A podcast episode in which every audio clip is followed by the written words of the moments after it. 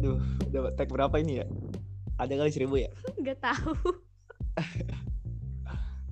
Kayak eh bersama gua sekarang kita ada di kembali ke Sotau Talk. Jangan ngelihat orang dari eh jangan ngelihat siapa yang bicara tapi ngelihat apa yang dibicarakan.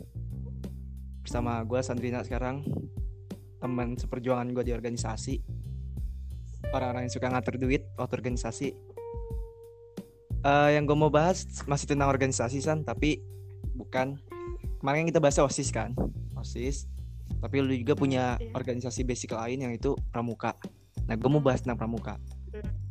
Tapi gue ganti pertanyaan yang tadi bukan yang tadi lagi. Eh gue mau lu menyampaikan sesuatu ke orang-orang yang kesal atau benci sama pramuka. Eh tapi dengan sudut pandang orang yang benci nah menurut lu kenapa sih orang tuh benci banget sama pramuka? Menurut gua karena dia tuh belum ngerasain gimana jadinya anak pramuka. Mm-mm. coba dia udah masuk pasti dia bakalan kayak ketagihan gitu apalagi kalau udah ikut lomba. Tapi tergantung juga sih kondisi pramukanya itu di mana karena ada juga orang yang mungkin dia cinta banget sama pramuka tapi pas dia pindah tempat terus dia ikut pramuka lagi tapi pramuka di situ tuh nggak sebanding sama pramuka yang udah dia ikutin itu itu bisa ngebuat orang tersebut itu kayak ya udah males gitu. Dan berarti eh, maksud gue tuh jadi dari sudut pandang orang yang nggak suka. Misalkan lu lu menganalisa kenapa sih orang nggak suka. eh maksudnya selain belum tahu pasti kan ada pandangan-pandangan orang yang nggak suka terhadap pramuka kan. Nah kira-kira apa aja misalkan tadi lu Iya. bilang jadi kulit hitam lah segala macem lah. Nah coba dijabarin. iya nih ya kalau dilihat dari teman-teman gue ya yang nggak pernah maksudnya nggak suka sama pramuka itu karena panas-panasan terus mereka tuh berpikiran tuh kalau pramuka itu cuma main-main aja. Terus juga boring. Terus nggak ada apa-apa lagi. Padahal kenyataannya adalah kenyataannya adalah pramuka itu seru. Kita tuh nggak boleh sama aja kayak nggak boleh apa ya nggak boleh ngejudge karena luarnya dah. Oh, kalau misalnya udah tahu dalamnya tuh pasti ya jatuh cinta dah don't judge book by its cover. ya it's right Oke, eh eh, lu tau nggak kasus kemarin tuh yang kata SMP berapa tuh? Yang berapa orang meninggal? Eh, yang hanyut di, di sungai, tau nggak? oh iya tahu Nah. Itu tuh bener-bener kejadian yang buat citra dari pramuka jelek. Lu ngerasa nggak? iyalah ngerasa Menurut lu apa yang salah dari situ? Apakah ya udah emang takdir atau ada ada sistem yang salah di situ? Eh, lu sebagai orang yang pernah mengikuti pramuka, pasti lu pernah jambore kan? iya pernah ya lu pernah lu pernah jambore lu pernah apa nyusurin hutan mungkin ya mungkin lu pernah nyusurin hutan nah apa sih yang salah bisa sampai kejadian gitu eh yang ngebuat akhirnya citra pramuka jadi jelek wah gara-gara pramuka nih bisa meninggal satu berapa berapa belas orang tuh ya? berapa belas anak tuh yang meninggal? Nah menurut lu why gitu? Kalau dilihat dari kasusnya sih kayaknya tuh kenapa ya setiap ada masalah itu yang disalahin yang disalahin itu selalu namanya. Kayak contoh kayak kalau acara nggak jadi yang disalahin misalnya acara osis nih. Mm-mm. yang disalahin tuh osisnya gitu loh ya udah sama aja kayak kayak kasus ini.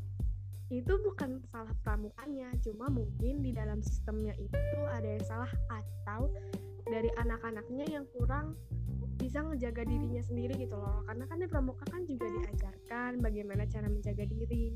Terus juga mungkin dari eh, kurangnya apa ya perhatian dari para pelaksana jambore tersebut gitu jadi sebenarnya sistemnya ya. Jadi bukan seharusnya bisa jadi bukan nggak bisa bilang pramuka tuh bikin orang mati. Ini gue sarkas ya maksudnya eh, inilah yang terjadi kemarin gitu. Eh, banyak orang banyak anak yang meninggal karena disuruh nyusurin hutan. Setahu gue di- disuruh nyusurin hutan sama pembinanya dalam keadaan hujan dan bahkan statement statement atau perkataan dari pembinanya tuh bikin bikin orang kesel bikin semua orang kesel.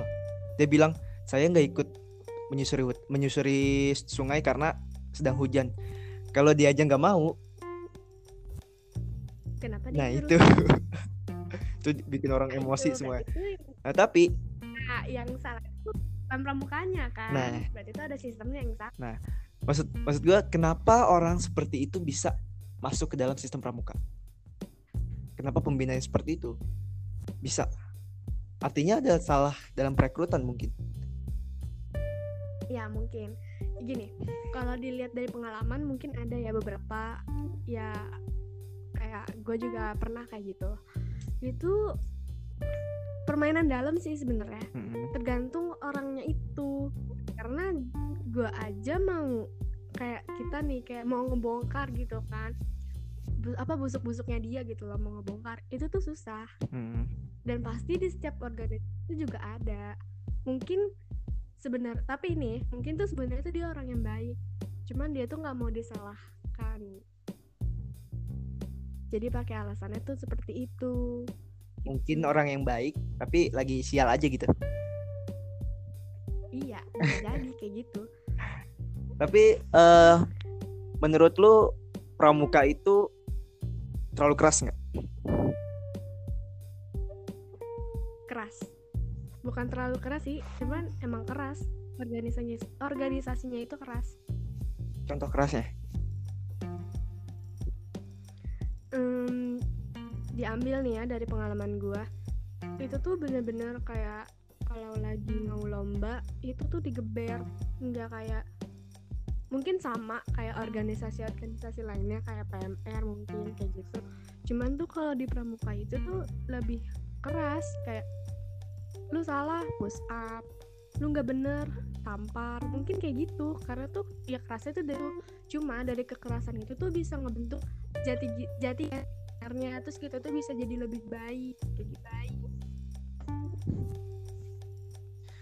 tapi apakah itu menjadi bumerang sendiri buat pramuka itu sendiri yang menyebabkan akhirnya dikit orang yang mau ikut? Karena aspek kekerasan ya mungkin dibilang aspek kekerasan sih nggak cuma yang memang lu bilang tadi sedikit keras apakah itu nggak jadi bumerang sendiri buat ya gara-gara keras akhirnya jadi dikit yang mau ikut? Enggak. Menurut gue itu bukan bumerang tapi emang dari kapan tahu juga pramuka itu emang dikenal itu organisasinya itu keras.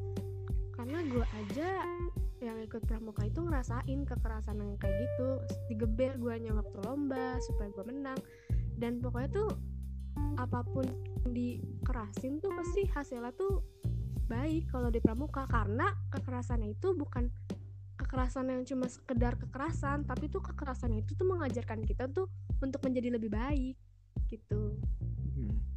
eh bisa disebut perpeloncoan nggak? Atau beda? Nggak nggak bisa. Beda. Kenapa? karena eh, kalau perpeloncoan itu tuh kayaknya itu di antara satu dengan yang yang lainnya itu nggak ada kayak konsekuensi ya. Tapi kalau di pramuka itu selalu ada konsekuensinya dan persetujuannya. Misalnya kayak gue pembina terus gue ngajarin nih murid-murid gue nah sebelum gue ngajarin tuh kita tuh selalu mendiskusikan tuh konsekuensinya gitu loh. Maksudnya kayak kekerasan. Kalau misalnya kalian salah kalian lain gitu loh. Supaya diri mereka tuh jadi jauh lebih baik kalau yang gue tahu sih kayak gitu karena gue kayak gitu. Apakah eh kan konsep awal perpeloncoan juga seperti itu? Di mana kata eh, dengan alasan mendisip- mendisiplinkan akhirnya dengan semena-mena. Eh karena perpeloncoan itu bukan hanya tampar tonjok ya kayak kita apa menyuruh dia melakukan hal yang sebenarnya tidak ada logikanya itu juga termasuk perpeloncoan. Menurut eh peraturan Mendikbud waktu itu yang sebelum MPLS juga kan dihimbau untuk tidak ada perpeloncoan. Nah, tetap tidak bisa disamakan iya nggak bisa tetap nggak bisa bisa oke eh eh nih kalau diminta buat lu eh, bilang ke orang-orang yang gak suka pramuka sesuatu gitu. Sebentar mau nambahin nih.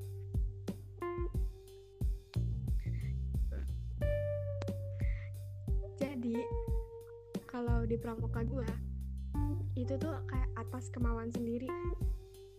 Ngerti gak jadi kalau misalnya eh, push up gitu itu atas Hmm. kemauan gua gua yang mau karena di situ konsekuensinya. Kayak gitu. Kalau gua nggak nggak ngejalanin konsekuensinya sama aja kayak benar-benar. gue tuh malah main Jadi harus ada keseriusan juga kan. Maksudnya memang stigma bukan stigma sih kayak ini lu- ini udah menjadi konsekuensi ketika kita masuk sebuah organisasi, mungkin termasuk juga pramuka. Kayak kalau lu diminta gitu buat nyampein sesuatu ke orang yang benci pramuka, lu tuh mau bilang apa sih buat mereka-mereka yang benci sama pramuka?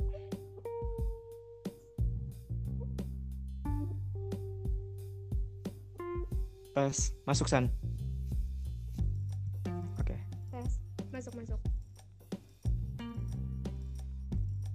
Oke. coba Jadi di- kalau misalkan lu diminta gitu, buat apa nih yang lu mau sampein ke orang-orang yang benci pramuka yang melihat pramuka tuh cuma dari jeleknya aja. Padahal kan lu bilang tadi sendiri banyak ilmu yang diterap atau ilmu yang dipelajarin di dalam pramuka. Nah, lu pengen bilang apa nih ke orang-orang yang benci pramuka? Ya, tolong tolong. Kalau misalnya nih emang nggak suka sama pramuka ya udah nggak usah jelekin terus nggak usah bawa-bawa orang lain nggak suka sama pramuka. Karena tuh penglihatan penglihatan orang lain sama penglihatan kita tuh berbeda. Sudut pandangnya berbeda. Jadi tolong banget tolong. Kalau nggak suka sama pramuka ya udah. Nggak usah apa namanya ngajak-ngajak orang dah serius. Yang ada nanti nyesel sendirinya. Tapi ada nggak kondisinya lu di mana lu nyesel masuk pramuka? Itu sih nggak ada. Nggak ada? awalnya sih eh ada sih ada. Awalnya. Waktu itu emang karena gua mungkin masuknya terpaksa ya. Jadi awal-awal kayak latihan gitu tuh mager gitu loh nyesel gitu. Cuma pas udah kepilih lomba gue malah seneng. Wah bukan main sih senengnya. Eh, menurut lu orang yang yang masuk pramuka itu harus punya tujuan nggak? Dan tujuannya itu apa? Yang utama ya, bukan bukan tentang ya pengen ikut-ikutan. Karena ikut-ikutan tuh bukan tujuan. Dan menurut lu orang yang pengen masuk pramuka atau orang yang pengen ikut pramuka, nah itu harus punya tujuan apa?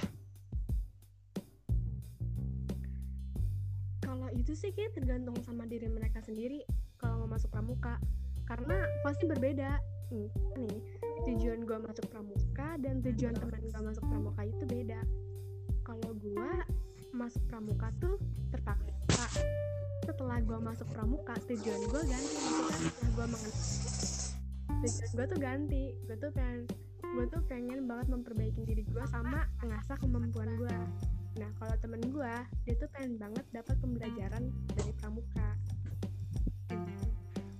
Dari pramuka udah pernah mana aja? Dari pramuka, eh udah pernah ke Curug, Curug Bogor. Terus pernah hiking juga, cuma hikingnya itu nggak jauh-jauh, masih di daerah sekolah lah. Nanti kan dinamainnya juga hiking. Terus sering banget menang kan jadi pamer Pasti itu waktu SMP. iya Karena wadidaw. lebih wow If you know what I mean lah. ya Oke, eh apa lu tertarik buat jadi pembina atau pelatih? kalau itu udah gue laksanain it Apa? gue Pelatih udah jadi pelatih di mana? di SMP cuma nggak se sering pelatih sebenarnya jadi tuh gue tuh kayak cuma alumni yang mengajarkan adik-adiknya kayak gitu Oh, dibayar? enggak lah Oh. kan harus ikhlas kan kita Soalnya- berbagi ilmu Kalau beda konsepnya sama teman kita juga si Udin sama si Ronald. Oh, Dia Beda. dibayar dong. Iya beda Iya. maksudnya. eh beda iya beda maksud gua apakah ngajar itu ngajar pramuka itu harus ikhlas atau boleh juga mengharapkan imbalan? boleh itu karena kan pramuk pelak dia itu sama aja pekerja dong berarti kan pekerja itu juga harus dibayar jadi nggak masalah kalau mengharapkan itu Tapi nggak sah-sah aja kan? sah-sah aja Eh, bentar, gue cek dulu. Eh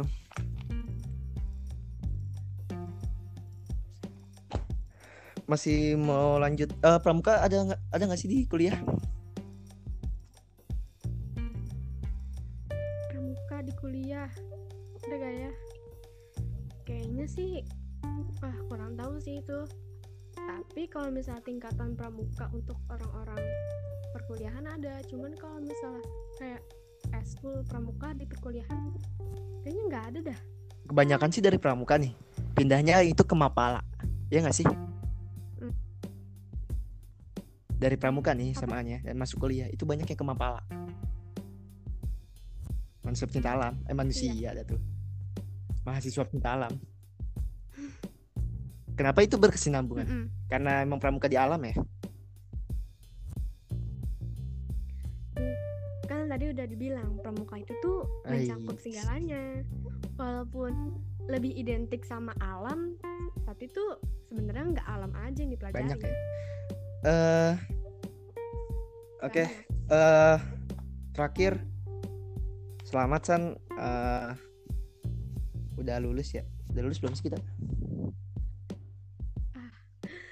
Aku lulusan corona kakak. Nggak boleh kayak gitu ya. Semoga saya lulus. SNM ya karena waktu TBK juga waktu belajar saya juga- jadi waktu belajar saya juga makin tambah tapi yang saingan saya juga belajarnya makin nambah.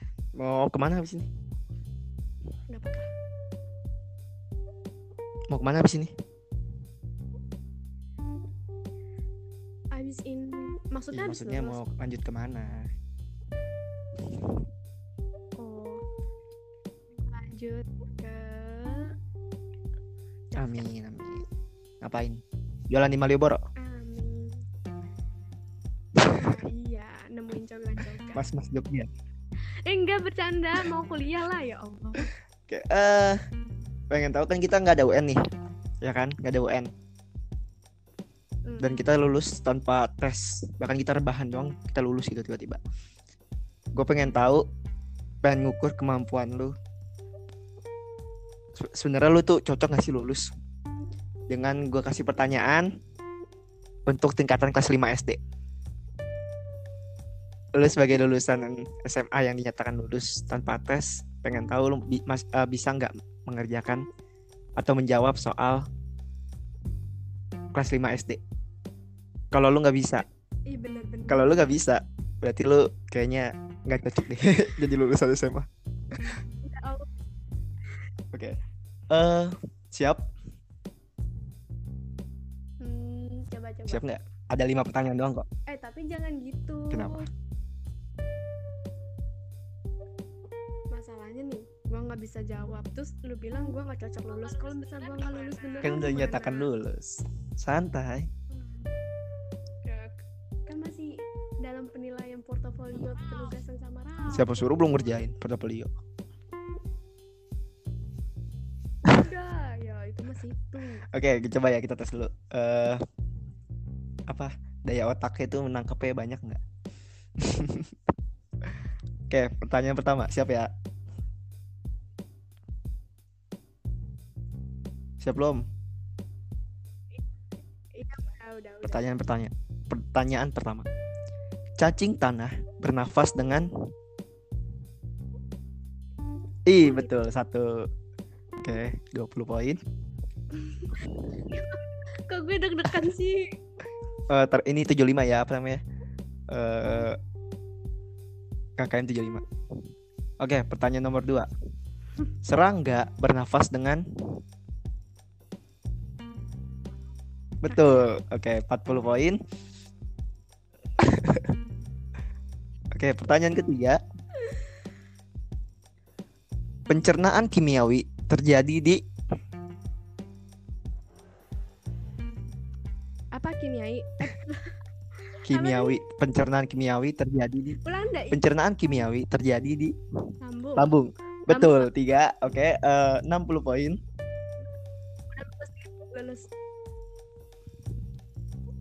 Eh, pertanyaan keempat. Ya. Klorofil berada di Daun. Betul. Oke, selamat Anda lulus KKM 80. Satu pertanyaan lagi buat nilai Alhamdulillah. 100. Sebutkan planet-planet. Sebutkan planet-planet. Ya Allah. Ih, tuh kan ngeblank. Emang di dasar. Enggak enggak se enggak urut. Ya, harus urut dari paling dalam paling luar. Kalau ada 8 planet. Kalau urut Tesan. tapi saya bukan anak biografi, mohon maaf. Masuk. ya. Masuk nggak sore? teman mendengarkan ini.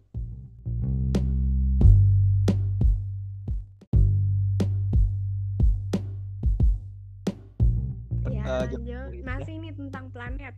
Oke, tentang planet ya, udah searching ya? Enggak, ya Allah, nih gue berusaha nih untuk menyusunkan. Sebutkan delapan eh, urutan planet dari paling dalam ke paling luar cara beruntun. Kalau kebalik gimana? nggak bisa harus beruntun kalau kebalik kayak tabrakan ntar tidak sesuai dengan tata surya kita Ya, gila. Bentar ya. Gue mau coba dulu. oke searching ya. Neve, Majusa, Unep. Bener gak? ya coba sebutin se- eh, secara lengkap Ih, singkatannya dulu bener gak? dia nggak tahu Ah, anjir lah emang dasar. Merkurius. Benar. oke benar Berarti Merve, Buma, Jusa, Unep. Ya kan? ya nggak tahu coba sebutin secara lengkap baru mer- apa Merkurius tadi pertama Merkurius, Venus, Bumi, Mars, Jupiter, Saturnus, Uranus, Neptunus. oke Lulus. 100 berarti emang anda dinyatakan lulus eh, SMA